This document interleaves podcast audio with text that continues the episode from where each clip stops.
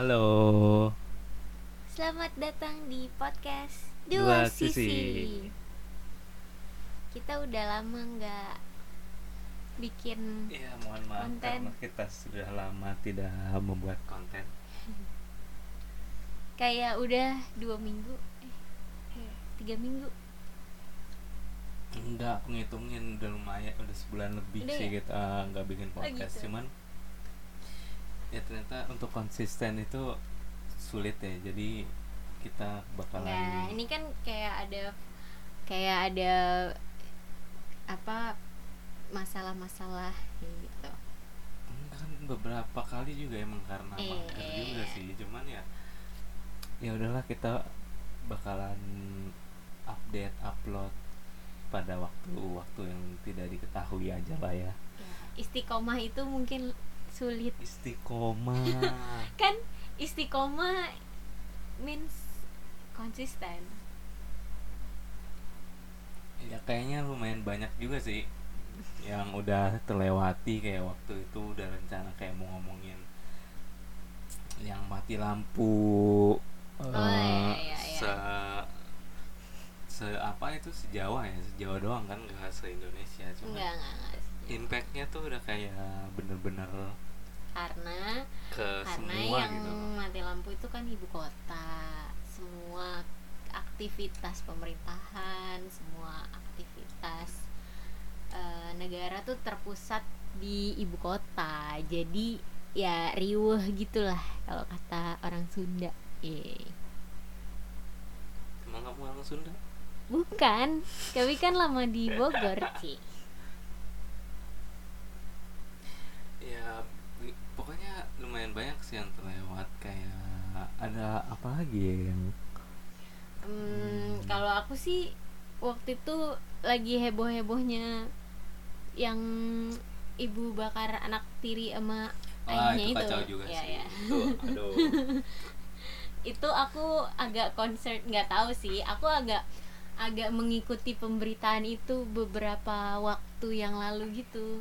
Sering-sering baca di publisher-publisher, sering lihat-lihat videonya. Maksudnya aku bukan amazed ya aku kaget aja gitu ngelihat wow ternyata seorang ibu-ibu nih ibu-ibu kalau udah mencapai batas kesabaran tuh bisa segitunya gitu ya gitu nggak semua Nggak ibu-ibu Orang-orang. semua orang juga semua orang tapi maksud aku yang aku highlight tuh di sini maksudnya dia kan terlihatnya lemah lembut. Bahkan pas diwawancara juga suaranya tuh yang lembut gitu. Kayak nggak nyangka aja. Punya otak untuk itu kan berpikir itu kan berencana. Jadi kayak berpikir sistematisnya agak wow gitu loh. Itu bukan cuman sendiri loh itu kan sama ada iya tapi kan dia otak anaknya juga kan Iya, tapi kan dia otak utama gitu loh. ya enggak tapi itu udah niat banget aja sih kayak Dia harus apa, dia harus apa. Itu tuh kayak bener-bener eh, dia udah pikirin gitu. Apalagi dia sempat nyewa membunuh bayaran gitu kan. Apalagi sih? banyak ya tapi udah mulai terlupakan semua dengan berseiring berjalannya waktu terus yang Aku tiap sih minggu tuh ada berita baru terus gitu yang kan. aku lagi ikutin nggak terlalu ikutin banget sih tapi yang lagi aku sering-sering baca di internet tuh ini RUU KUHP itu loh yang ya sekarang ada lagi masalah ini Sama pelemahan masalah KPK aja ya gitu. aneh-aneh. oh enggak enggak enggak sebelumnya eh enggak apa-apa sih aku sebelumnya aku mau bahas yang tadinya KPAI itu em, melarang jar PB Jarum eh salah Sa- salah satu perusahaan rokok yang udahlah ya, iya ya nggak PB apa-apa. Jarum untuk kan BPJS meneruskan. nggak salah apa-apa Iya, yang menerus eh, yang apa sih namanya memberikan beasiswa bulu tangkis itu. Cuman ternyata sekarang mereka sudah bertemu dan eh, ya udah selesai lah masalahnya gitu. Dan tadi sempat ada pamit-pamit pamit-pamit gitu kan. tahun depan nggak akan ada lagi beasiswanya tapi kayaknya sih ini udah diselesaikan sih ya itu itu yang balik lagi ke RUU KUHP yang semakin membuat aku penasaran sih sebenarnya ini ya ntar dulu Ada dong apa sih? oh kan belum komentar ya oh iya iya iya boleh boleh itu sebenarnya kan kenapa ada beasiswa dari perusahaan itu? Kan ya karena perusahaan itu salah satu perusahaan terbesar juga di Indonesia. Maksudnya yang bisa memberikan beasiswa sebesar itu untuk kegiatan atletis tuh ya baru dia mat kalau di negara kita ada perusahaan-perusahaan lain yang mau eh, apa namanya memberikan beasiswa kayak begitu sih nggak apa-apa ya. Sebenarnya sih yang di highlight sama KPAI adalah hmm, beasiswanya itu diberikan ke eh, anak-anak. Tapi mereka dipush untuk latihan jadi terkesan eksploitasi anak gitu. Ya tapi kan yang namanya beasiswa itu pasti ada kayak tanda tangan apa perjanjian dia mau Iya. apa mau apa Dan- mesti diturutin ya kan itu concernnya udah ya dipikirin sama mereka sendiri sama keluarganya mereka. dan sebenarnya negara-negara yang negara-negara yang eh, bulu tangkis kayak gitu tuh emang eh, atlet-atlet lah. Mulainya emang dari kecil sih. Kayak di Cina tuh emang latihannya dari kecil di pushnya dari kecil. Jadi pas udah gede dia udah jadi prestasinya udah bagus gitu. Ya, tapi emang biasanya yang bagus-bagus begitu kan emang dari kecil udah Dipupuk biasa. dari kecil. iya kita kan semua cobain dulu masuk sekolah semua juga dipelajarin dulu. Jadi kan nggak terfokus juga dari kecil. Jadi begitu mulai ada penjurusan udah mulai kuliah gitu baru mulai mikirin mau jadi apa mau jadi apa yang benernya kan. Bukan kayak dulu cita-citanya jadi insinyur ya ya itu semua juga kalau udah lulus jadinya insinyur kan jadi dah itu udah. Tapi mereka udah menyelesaikan masalah itu. Mereka udah ketemu. Kita tinggal tunggu apakah nantinya ap- mudah-mudahan sih ya benar-benar udah selesai ya. Terus sekarang tuh muncul lagi isu RUU KUHP yang em, yang pengen banget ngomongin RUU KUHP Iya, soalnya itu ada dua poin.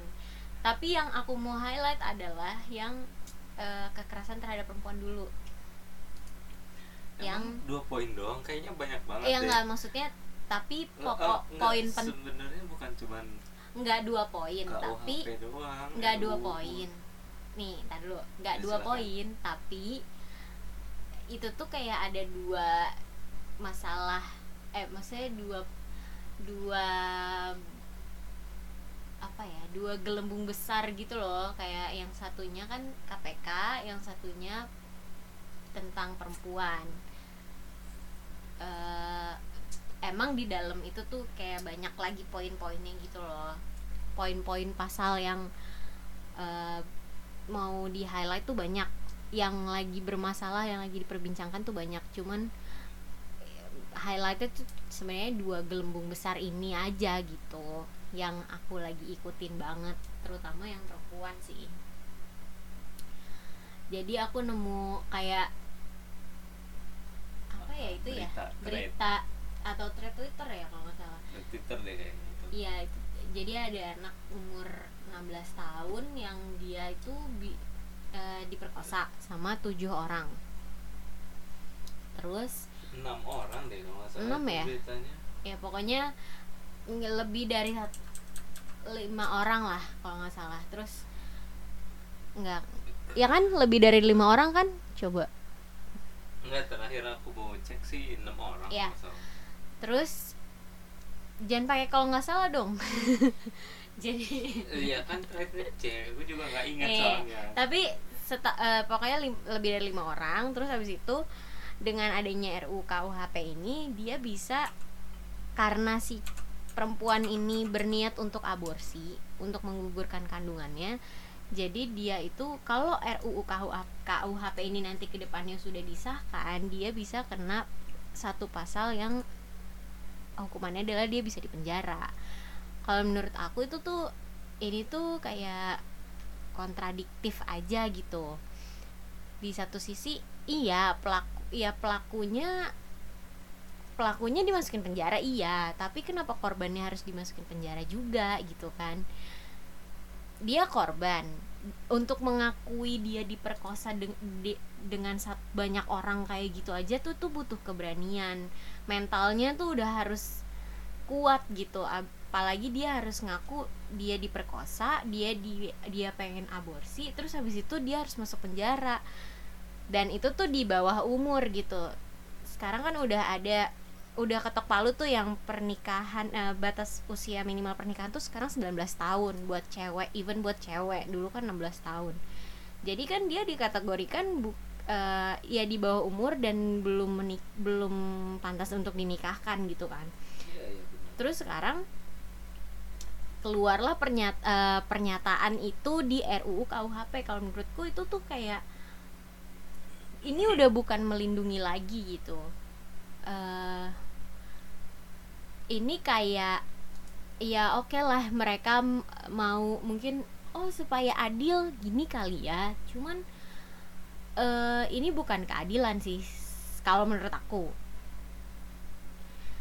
Eh bukan suatu maksudnya keadilan itu kan gimana kita ngelihat dari banyak sisi gitu kan. Keadilan tuh bukan dari sama rata. Ya pelakunya harus dipenjara korbannya bukan har nggak eh korbannya terus dipenjara juga gitu. Itu tuh bukan bukan keadilan. Itu tuh penyamarataan gitu. Dan adil itu bukan sama rata gitu kalau menurut aku. Gitu ya? Kalau adil kan pasti nggak sama nggak selalu sama rata gitu. enggak Hmm.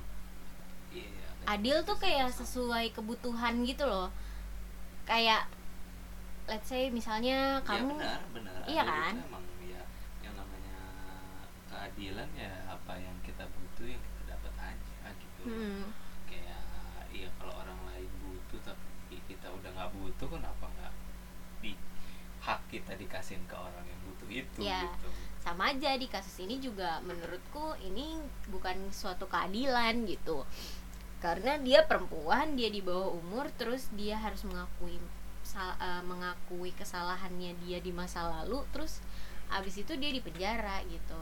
Soalnya eh, mentalnya drop banget pasti. soalnya pas eh, bikinnya tuh blunder banget ke eh, pasalnya itu karena eh, semua semua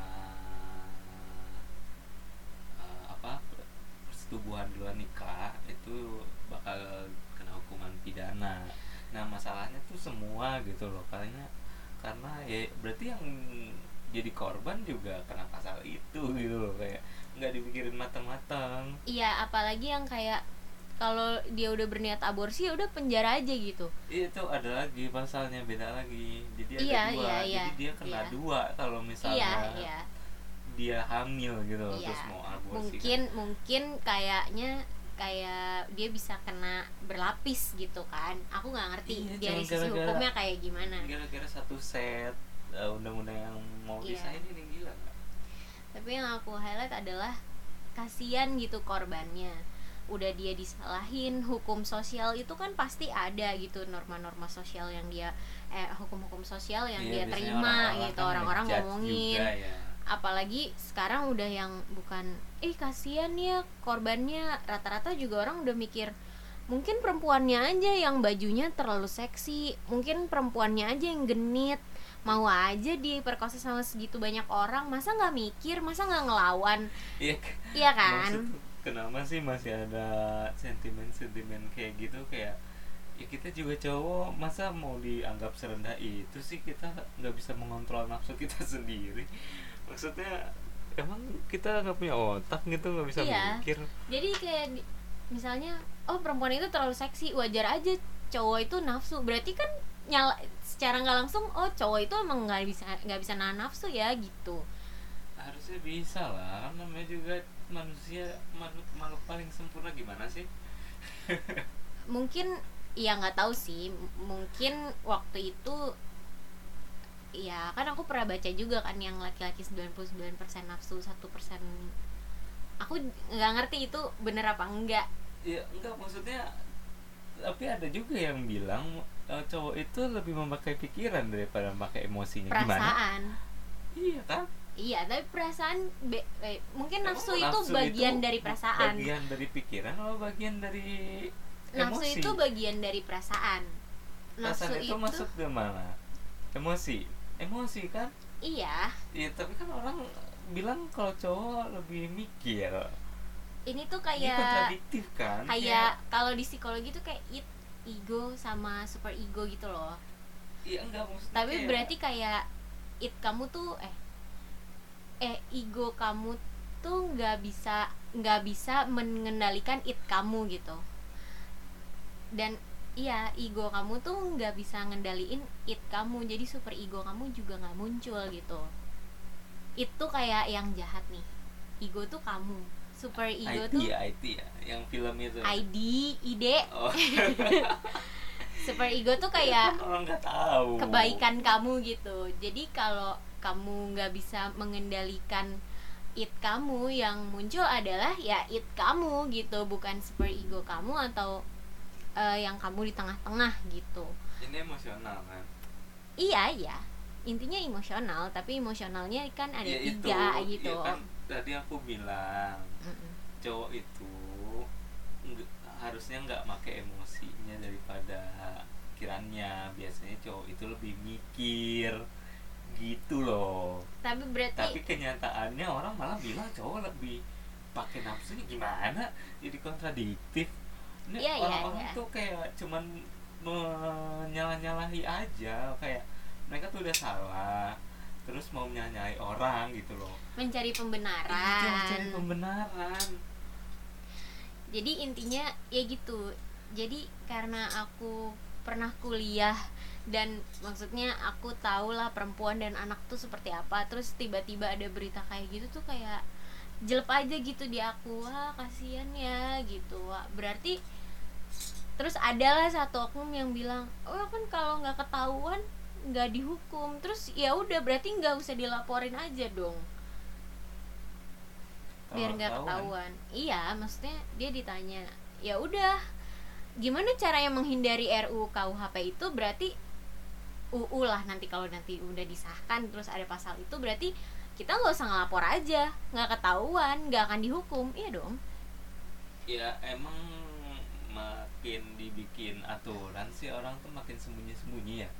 Kalau menurut aku. Iya nggak maksud aku. maksud aku ya emang bakal terjadi hal itu. Iya.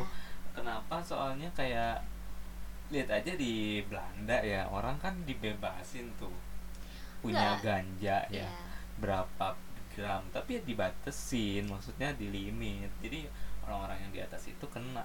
Dan itu terbukti mengurangi Pemakaian. pemakaian berlebih gitu loh kayak orang pakai seadanya dan terkontrol gitu terlihat sama Iya. semua orang Jadi- jadi gitu. maksud aku dan mereka eh, mengerti gitu kalau ada orang yang seperti itu dan dan nggak ah, eh, setahu aku sih nggak sebanyak itu juga yang hmm, dan nggak sesering itu juga orang pakai cuman ya emang ya kalau di beberapa agama kan ya nggak boleh Enggak. gitu maksud aku tuh itu ini kan baik balik lagi ke orangnya maksud aku kayak ya hal-hal yang kayak gitu kan tergantung orangnya nggak lagi bukan maksud aku poinnya tuh aku tuh nggak suka sama jawabannya gitu yang berarti nggak usah dilaporin terus kenapa harus ada Oh, ada polisi kayak harus gitu. ada iya Ya. harus ada undang-undang Ya, yang ada lo bikin kayak gitu gitu, Ah, kan iya. bagus banget ya iya ya. iya responnya tuh kayak lo berarti kayak nggak ada dasarnya aja lo bikin pasal itu Ah, gitu. iya aneh aneh. Makanya itu kayak bikin tuh kayak kayak ini skripsi kebut semalam gitu loh. Iya, kayak iya. nggak nggak ada pemikirannya gitu. Kayak ini udah mau disuruh eh, apa udah berbulan-bulan nggak ngapa-ngapain nih. Terus udah di udah deadline nih ada tugas nih suruh bikin ya. Jadi bikin aja asal kayak dah. eh, eh, kayak ya udah deh yang penting gue ngumpulin dulu gitu ya kan? Ya, masalah dihujat netizen se-Indonesia nanti gitu. bagus lah gue dapet exposure. Apalagi aneh ya? aja ya maksudnya. Iya iya ya iya. tapi kalau misalnya banyak orang pinter di dalam situ. Di dalam situ. Ya jarang sih yang pinter-pinter mau masuk sana. Gimana dong? Nggak. Kayak yang Ya, itu- pinter-pinter itu- tuh pasti masuknya Nggak, kayak itu- research gitu. Terus ya orang yang itu bukan yang yang pinter tuh nyari uang gitu. Dia investasi atau apa gitu. Kayak nggak bakal ada yang kepikiran mau masuk sana. Aku aku tuh sebenarnya nggak nyalahin badannya. Aku nggak nyalahin kelompoknya. Tapi aku nyalahin kenapa ada sampai ada pasal itu kenapa sampai ada yang berstatement seperti itu. Aku nggak aku di sini nyalahin personalnya sih. Sama nyalahin kenapa harus ada pasal itu. Bukan nyalahin oh berarti yang bikin nggak Enggak, nggak ada credibility-nya. Nggak gitu juga. Enggak maksudnya ya bukan masalah salah salah atau salah menyalahkan gitu ya. Maksudnya ya kayak itu pasti kan difilter beberapa kali. Maksudnya Hmm. ada filter diri sendiri orang yang mau menyampaikan itu, filter dari timnya yang mau mengajukan itu. ya dan filter dari Apalagi- uh, orang-orang di situ gitu loh kan ini Ap- kenapa bisa iya. tembus gitu apalagi ada kuota ada maksudnya ada perempuan di situ ada 30% kalau nggak salah kuota kuota perempuan ada di situ gitu. Kenapa tidak disuarakan tapi malah me- malah merugikan kesannya merugikan perempuan? Aku nggak tahu maksud dari pasal itu apa sih sebenarnya. Mungkin nanti harus ada penjelasan dari situ kalau itu mau bener-bener disahin. Ya maksudnya itu eh, kelia- lebih kelihatan ya benar tadi maksudnya lebih kelihatan kayak eh, tugas yang dikerjain kebut semalam Iya. jadi kayak belum ditelaah bener-bener gitu tapi kan ini tapi masih udah keluar ke publik rancangan.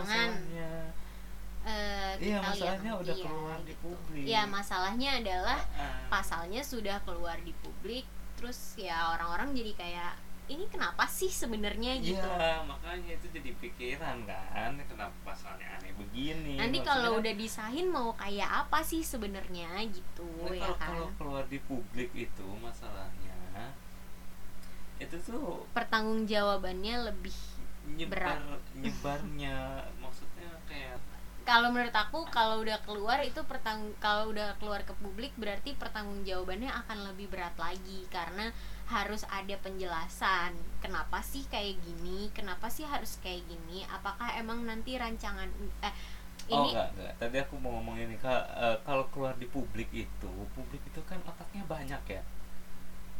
Yang mikir tuh banyak Iya, pasti ada aja kepikiran. beda-beda. iya pasti ada yang kepikiran eh, ini kenapa kayak begini kenapa kayak gini? Ya kan namanya juga reaksinya. reaksi publik ya. Jadi kayak ya kalau kita debat 10 orang aja reaksinya pasti bisa beda-beda kan 10 orang.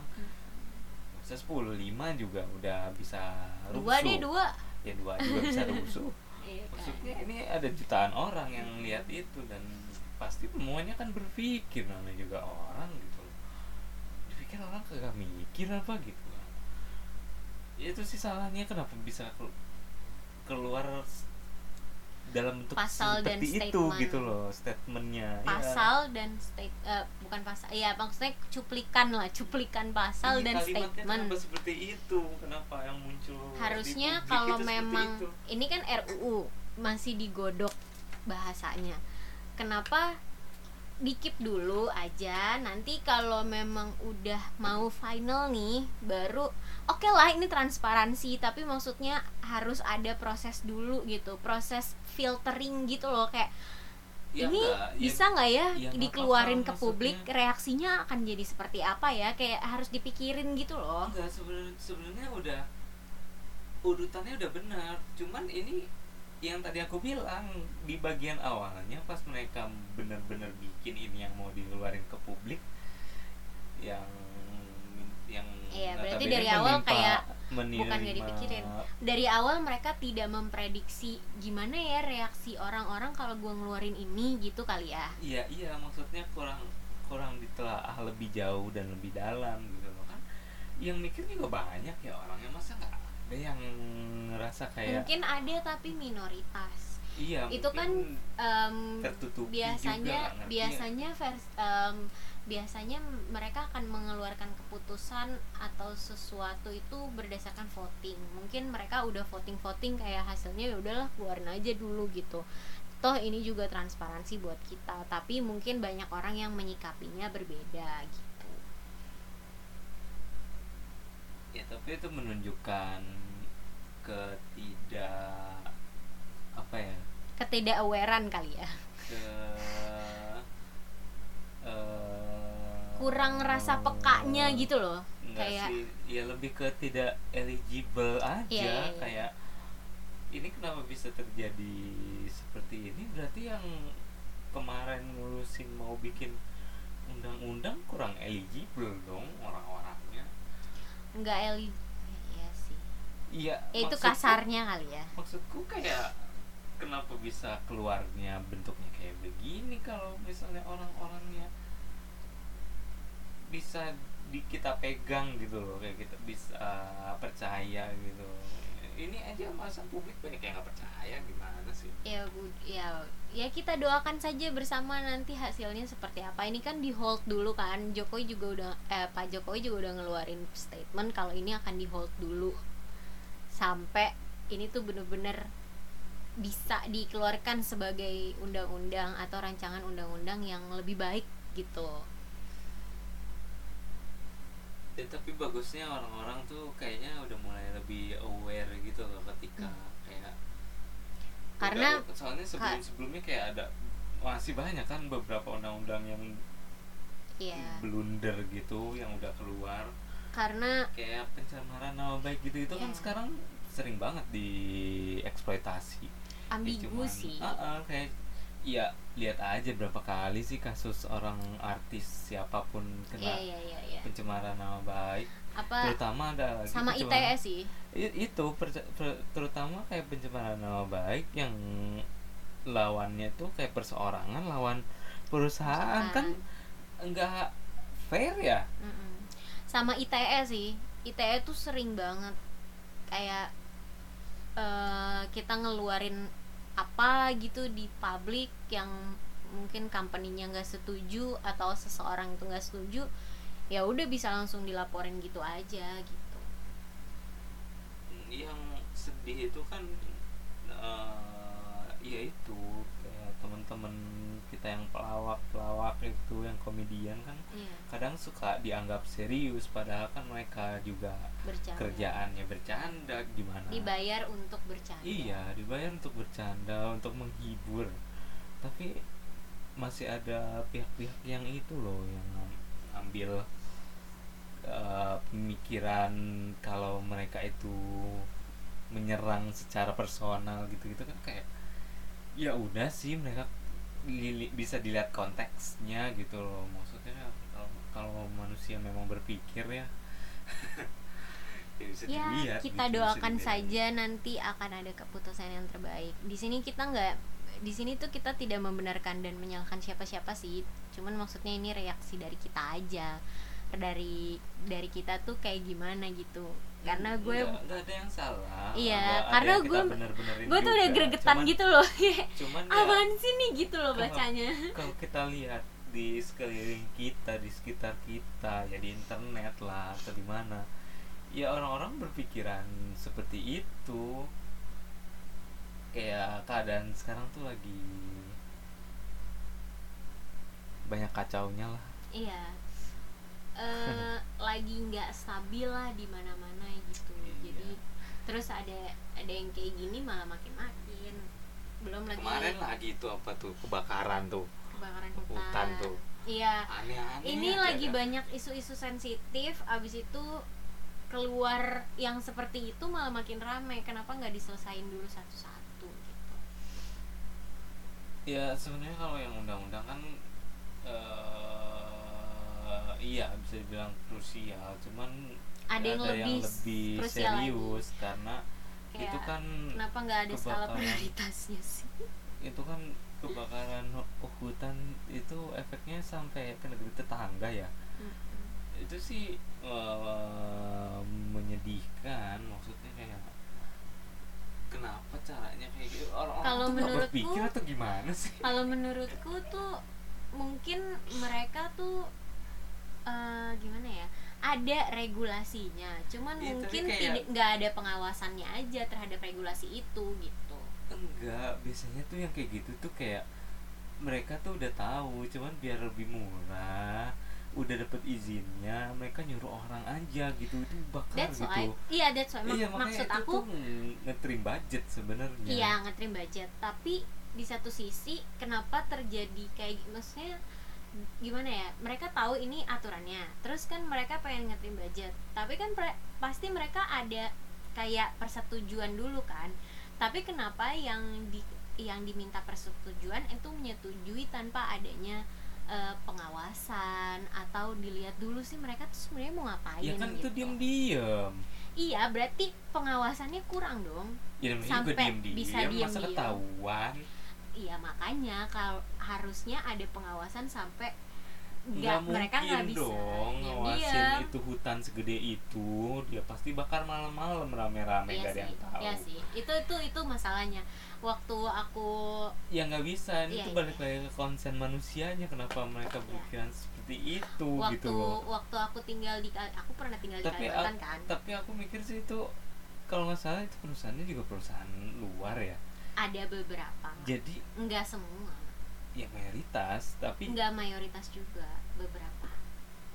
ya nggak tahu sih tapi di pak- enggak tapi sampai ya, 50% sih. ya tapi itu ya mungkin mereka nggak peduli kalau bukan negara Jadi, sendiri kan waktu aku tinggal di Kalimantan dulu waktu kecil emang itu tuh eh, masalahnya gimana ya ya mereka diam-diam ngebakarnya malam-malam habis itu mereka berharap eh, ya udah ini akan mati sendiri kalau ada hujan masalahnya musim adalah kemarau sekarang, sekarang. kemarau gitu. Tapi tadi alhamdulillah pas aku lihat di Instagram Palangkaraya lagi hujan malam ini. Oke. Gitu. Eh, mudah-mudahan hal yang sama akan terjadi di Riau jadi titik-titik asapnya eh, berkur- berkurang gitu. Karena ada temen aku juga yang masuk rumah sakit karena ispa di sana.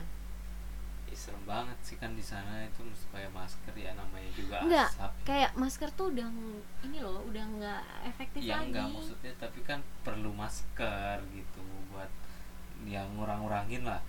Soalnya kan ya ya bayangin aja kita dikasih kayu bakar gitu di depan mulut kita tiap hari ya sesek anjir. Iya makanya jadi ada tem temen aku yang lagi masuk rumah sakit karena ispa gitu. Jadi kayak aku ngerasa wah ini tuh efeknya tuh nggak nggak dipikirin sampai segitunya. Dan mungkin karena ya itu. itu bukan ya balik lagi. Biasanya orang-orang seperti itu nggak bakal ngerasa salah sebelum keluarganya ngerasain atau dia sendiri ngerasain gimana penderitaannya efek sampingnya itu itu. mikirnya cuman ya udahlah nanti dipadamin hujan yang penting gue bisa buka lahan gue dapat duit apa segala macam nggak gitu Ya, nggak itu gitu sih salahnya gitu. itu kalau memang berencana seperti itu salahnya itu ya dia nggak ngecek forecast weather forecasting gimana dia nggak ngecek cuaca Kenapa? ke depannya kenapa harus bulan ini gitu Oh, oh, aneh kan? Ya pasti itu balik lagi, pasti mereka nggak mau nunggu gitu loh. Iya. Ada Mungkin kepentingan. kayak, iya ya ada kepentingan Ya, pasti gara-gara nggak mau nunggu, terus mereka akhirnya gegabah kan, terbakarlah itu semua, terus nggak tahu harus apa ngapain juga itu kan kalau udah kebakar terus nggak kekontrol. Baru sekarang pemerintah lagi disuruh mademin ya ampun gimana sih pemerintah gitu. nggak nggak turun tangan cepat mungkin udah turun tangan tapi kitanya nggak tahu kali ya. Atau ya kita berdoa sem- semoga akan ada penyelesaian yang lebih cepat. Tapi lucunya ya Kalimantan tuh nggak pernah terkena bencana natural kayak gempa gunung meletus. Enggak karena tapi sering terbakar gitu karena karena karena orang. di situ nggak ada nggak ada gunung api. Iya tahu maksudnya gunung berapi padahal nggak ada. padahal Kalimantan tuh udah paling aman loh tapi kenapa dibikin gak aman gitu loh Hmm. ada yang bakar-bakar gitu Iya loh. karena dia betul punya banget sumpah dia punya maksudnya kayak- hutan yang tidak dilindungi dia punya hutan yang hanya dimanfaatkan oleh segelintir pihak untuk eh, kepentingannya sendiri gitu Iya sebenarnya kayak banyak lah di pulau-pulau di luar Jawa itu. Bukan Kalimantan doang loh Riau juga. Pulau-pulau di luar Jawa itu yang tanahnya itu masih dipegang sama bukan pem- pemerintah Indonesia ya. Iya yang terakhir diambil kan itu kayak Freeport tuh kan terakhir diambil tuh. Itu udah berapa lama tuh bukan punya pemerintah tuh? Iya. enggak tapi ya mudah-mudahan pemerintah kita dan yang yang pihak-pihak yang bertanggung ya jawab nggak bisa tahu kenapa lah. bisa terjadi ya itu gua nggak mencoba untuk mempertanyakan kenapa eh, wilayah-wilayah yang strategis dan krusial itu bukan dipegang sama pemerintah lagi itu gimana ceritanya gitu. Itu nggak tahu sih itu itu di di luar kuasa kita Aduh, di itu luar sepengetahuan kita sih. Maksudnya kita nggak nyampe sampai situ. Eh, aduh nggak maksudnya. Ya kalau manusia berpikir ya balik lagi ya.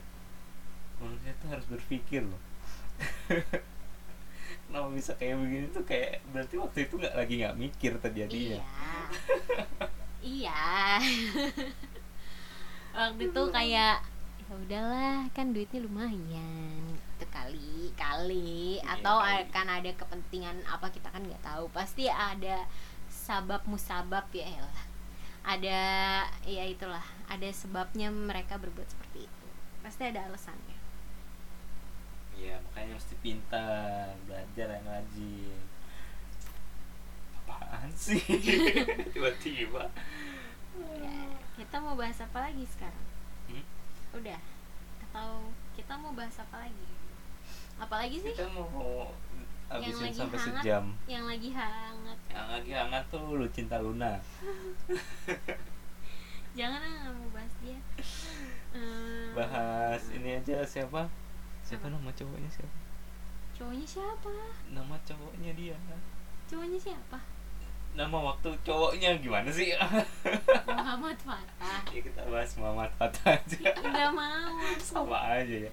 Nggak Nggak, jangan jangan jangan nggak boleh ngomongin orang tuh. Gibah tuh nggak boleh. Tapi nggak ketahuan nggak apa-apa gitu.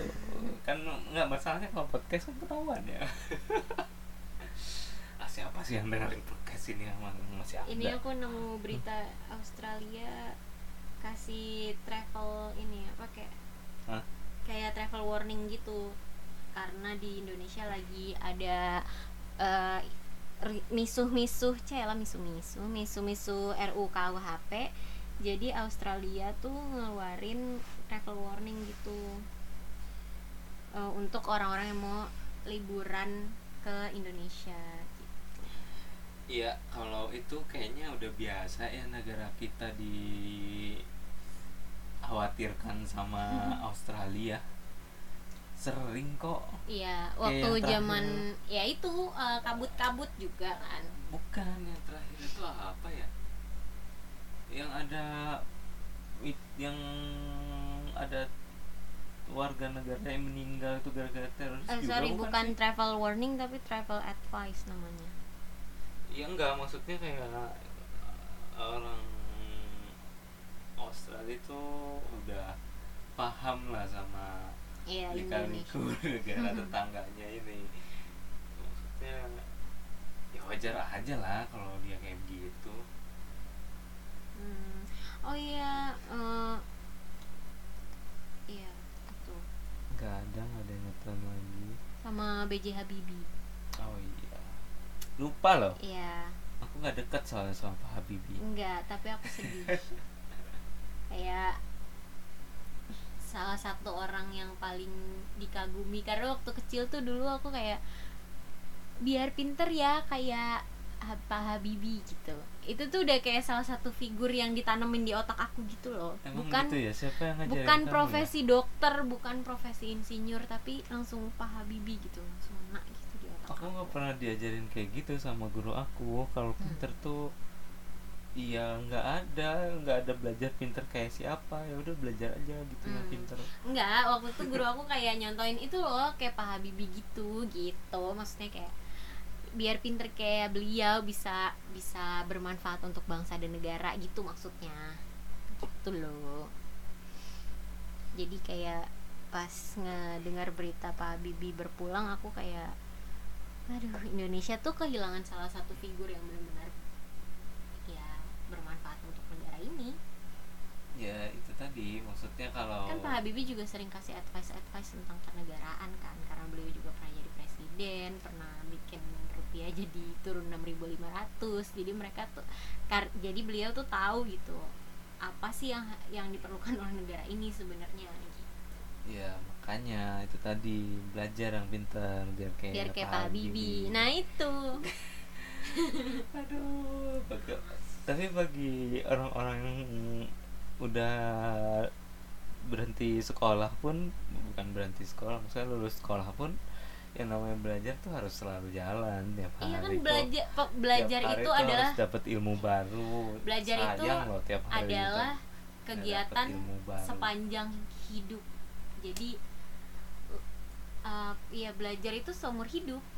Nggak nggak harus di bangku sekolah doang.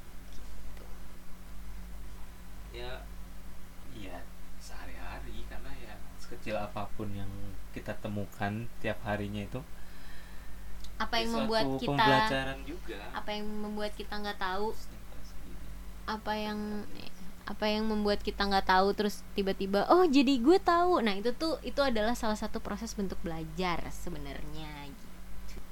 kita mau mau bahas apa lagi? Enggak, ya banyak sebenarnya. Ya cuman lupa karena ya lumayan Ya, lama kita- soalnya kita nge-recap beberapa beberapa berita yang viral-viral aja sih sekarang. Iya beberapa kejadian-kejadian Mm-mm. ya siapa gitu ada yang mau nanya atau lewat mana aja dah. Ya dan Itu- pendapat iya coba deh kasih pendapat tentang apa yang kita bahas hari ini semuanya RUKUHP apalah terserah kalian biar mau. nggak terlalu sepi juga bahasannya ya kalau lagi nggak ada topik kan ya, ya kita juga diusahakan masukin semua yang ada di dalam pikiran gitu untuk ditumpahkan di sini ditumpahkan. Ya udah. Eh tapi ini loh aku agak serem loh sama GoPay. Dia sekarang ngejar pelanggan loh. Kayak dia itu di deket rumah bikin booth jualan GoPay lah, bikin ya apa apa lah itu itu strategi marketing yang bagus kan jemput bola. Ya Ya enggak maksudnya kayak kita udah bisa isi lewat ATM terus bisa isi lewat m banking. Terus dia masih mau ngejar yang Bagus, belum kan? bisa isi. Akhirnya uang rupiah nanti pada akhirnya akan berubah menjadi mata uang GoPay. Atau OVO atau Dana buset deh bener ya mata Iya, uang sekarang. Ya ya maksudnya uang elektronik. Ya enggak maksud aku itu uh, in a sense uh, rupiah. Tapi ya udah jadi kayak mata uang lain dan kita nggak bisa iya. nggak bisa bayar itu cash beda gitu loh jadi nil nggak jadi sistem pembayaran sebenarnya kan itu iman itu kan sistem pembayaran aku agak bingung aja aku tetap menganggapnya itu kayak jadi mata uang baru gitu loh kayak ya nggak mata uang baru sih tapi, mata uang ba- baru tapi gimana kan ya? bagus jadi simple life ya kan? ya tapi waktu blackout itu serem banget sih maksudnya. Oh ya itu itu serem sih. Jadi kalau kalau semuanya udah dielektronifikasi buset apa itu istilah apa itu? Itu ketika kita nggak bisa ngecas HP oh itu itu serem kejadian itu. pernah sama temen aku yang jadi dia cuman punya imani semua gimana punya bayangin? imani terus abis itu dia di dompetnya kosong dia cuma punya ATM abis itu mati lampu abis itu dia lagi harus bayar sesuatu terus kayak nggak bisa ngapa-ngapain. Ya akhirnya kayak naro eh ya pokoknya ya dia bisa akhirnya nyelesain yang kayak minjem minjem duit gitu akhirnya.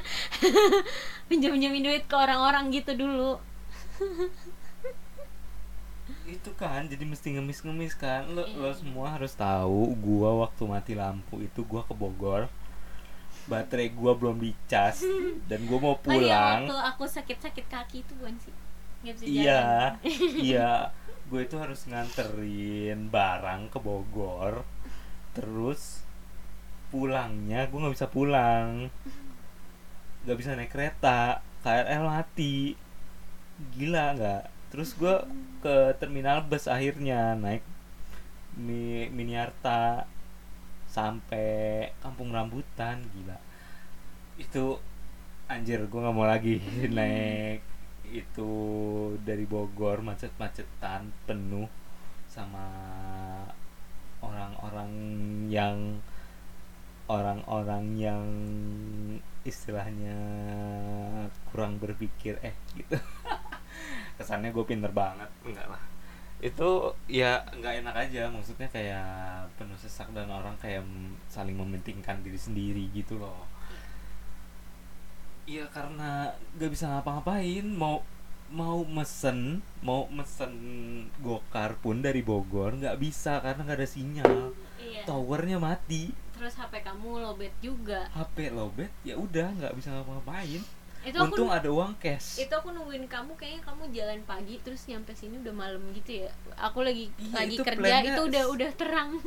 itu plannya jam tigaan gue udah balik ke Jakarta iya kali. Iya kan aku juga lagi sakit kan. Anjir tapi tapi beneran itu udah semuanya bisa mati begitu sih. Maksudnya kayak berhenti semua. Iya lumpuh. Eh, lumpuh semua gitu usahanya karena semuanya udah dielektronifikasi buset. Apa sih istilahnya? Digitalisasi kenapa? Elektronifikasi Ah, ya sudah. Mau diba mau bahas apa lagi bapak? Hmm. Lagi nggak ada yang seru ya? Itu tadi Bukan. seru yang kita bahas. Ya cuman segitu maksudnya kayak eh, sehari-hari tuh kayak ya biasa aja maksudnya jadi orang-orang kantoran yang berjam-jam di kantor duduk di depan komputer. Ya sudah mulai jadi mulai bosan di mencari-cari kerjaan. Jadi kita akhiri ya kalau gue kan nggak bisa bosen ya kerjanya nggak bisa bosan nggak bosen tapi capek aja Wow, aku iri ya. Kamu emang kenapa bisa nggak bosen sih? karena banyak pelajaran yang bisa dipetik Gile. Caelah. Callback ini, callback. ya udah kita akhiri saja Ya udah segini aja dulu lah ya. nanti kalau ada yang mau mau dibahas bisa ke email kali ya Iya, maksudnya Instagram. ya kasih topik aja apa kayak mau curhat kayak apa kayak DM gitu. Instagram Mau Akil ngata-ngatain juga nggak apa-apa, ntar gue kata-katain balik gitu, gampang. at Ajeng Arifinda. At Reva.andika pakai H, pakai H, bukan Andika, bukan Handika, bukan, bukan. Temen aku gitu loh ngeselin. Aku bilang pakai H dia malah Reva Andika ya, bukan Handika Handika. Uh, kesel. Abis D, abis D. Reva Masa- dot Andika. sendiri Kamu kenapa jadi eh Caca Handika Anjir rusak, rusak. Ya Jadi apa dunia? di DM aja Instagram sama at Reva underscore Ajeng Atau kalau lo lagi mau. Cerita panjang gitu jangan bikin thread di Twitter itu nyusahin Oh. ya. ya Oh iya itu belum diomongin ya. Apa tuh yang thread panjang di kayak yang Twitter? desa penari tapi aku belum sempat baca semua aku ya, cuman gue cuman dikasih oh iya. Link ya? Oh iya. Udah aku kasih link ya? Eh, ada lebih dari enam ya buset. Aku udah kasih- jadi ada dua versi itu tuh ternyata. Eh, enggak aku nggak baca aku nggak tertarik kalau yang sepanjang aku itu. kasih yang aku kasih linknya itu tuh baru satu. Dan aku tuh belum sempat baca. Akhirnya aku nonton salah satu youtuber Nancy Judge yang merangkum nih dengan rajinnya eh, Ya, bagus rajin banget. lah, Ibu. sumpah itu YouTube-nya kan dapat duit. Sumpah itu ba enggak enggak. Tapi itu sumpah itu bagus banget. Nancy Judge keren sumpah. Kamu kenapa props ya buat Nancy Judge. Iya keren banget. Itu keren banget. Maksudnya niat banget niat banget bener-bener detail sampai dirangkum dari dua si dua sudut pandang itu. Eh yang threadnya berjam-jam aku jadi bisa langsung ngerti gitu loh aku bisa langsung ngerti gitu isinya apa. Tapi aku masih 50-50 percaya atau enggak sama thread itu. Tapi itu bagus loh kalau jadiin cerita. Soalnya maksudnya gue belum baca cuman gue dengar gimana ceritanya Tapi- gitu loh, tapi as a poinnya- gitu. tapi poinnya aku suka sih. Di akhirnya ya lo kalau misalnya di tempat baru yang lo belum kenal ya lo jangan ngapa-ngapain. Itu tuh ya kan lu jangan pakai alat santet temen lu buat nyantet orang gitu. Buat melet. Ya pelet ya itu. Abis ya, gitu, itu- gitu gitu. lo berbuat nggak sopan nggak senonoh gitu di situ gitu. Ya, itu seru sih. Ini kan Loh. makanya. loh kan katanya tadi laki-laki besar nafsu ya tapi kan jadi mikir, membenarkan jadi dong. tuh mikir jangan nafsunya aja. Ya udah. Ya udahlah itu nggak usah dibahas panjang lebar lah gue gak terlalu tertarik sih aku mungkin nggak nggak nggak. Aku nggak terlalu percaya. Ya, aku sempat ditanya sama beberapa orang jadi ya aku bilang enggak sih ini 50-50 tapi lo bisa ambil hikmah baiknya. Jadi kalau lo masuk ke suatu tempat yang lo nggak tahu nggak usah berbuat aneh-aneh. Sopan aja udah udah. Ya nggak usah di tempat-tempat yang kayak gitu di mana aja yang sopan lah tempat baru kan aku bilang. Iya nggak maksudnya di tempat lama juga yang sopan aja. Iya, jadi maksudnya- orang yang sopan. Yang baik. Yang baik. Even nggak ada 100% orang yang baik tapi maksudnya jaga sikap aja iya. gitu. Jangan me- apa jangan memancing hawa nafsu pria gitu. Enggak ya? Call back call back. Enggak ya? Ya sudah. Kita sudahi saja sudah sampai di sini. Iya mbak. Kenapa pakai nyanyi ya? Ya Yaudah. sudah. sampai jumpa di lain kesempatan guys. Podcast berikutnya. Dadah. Bye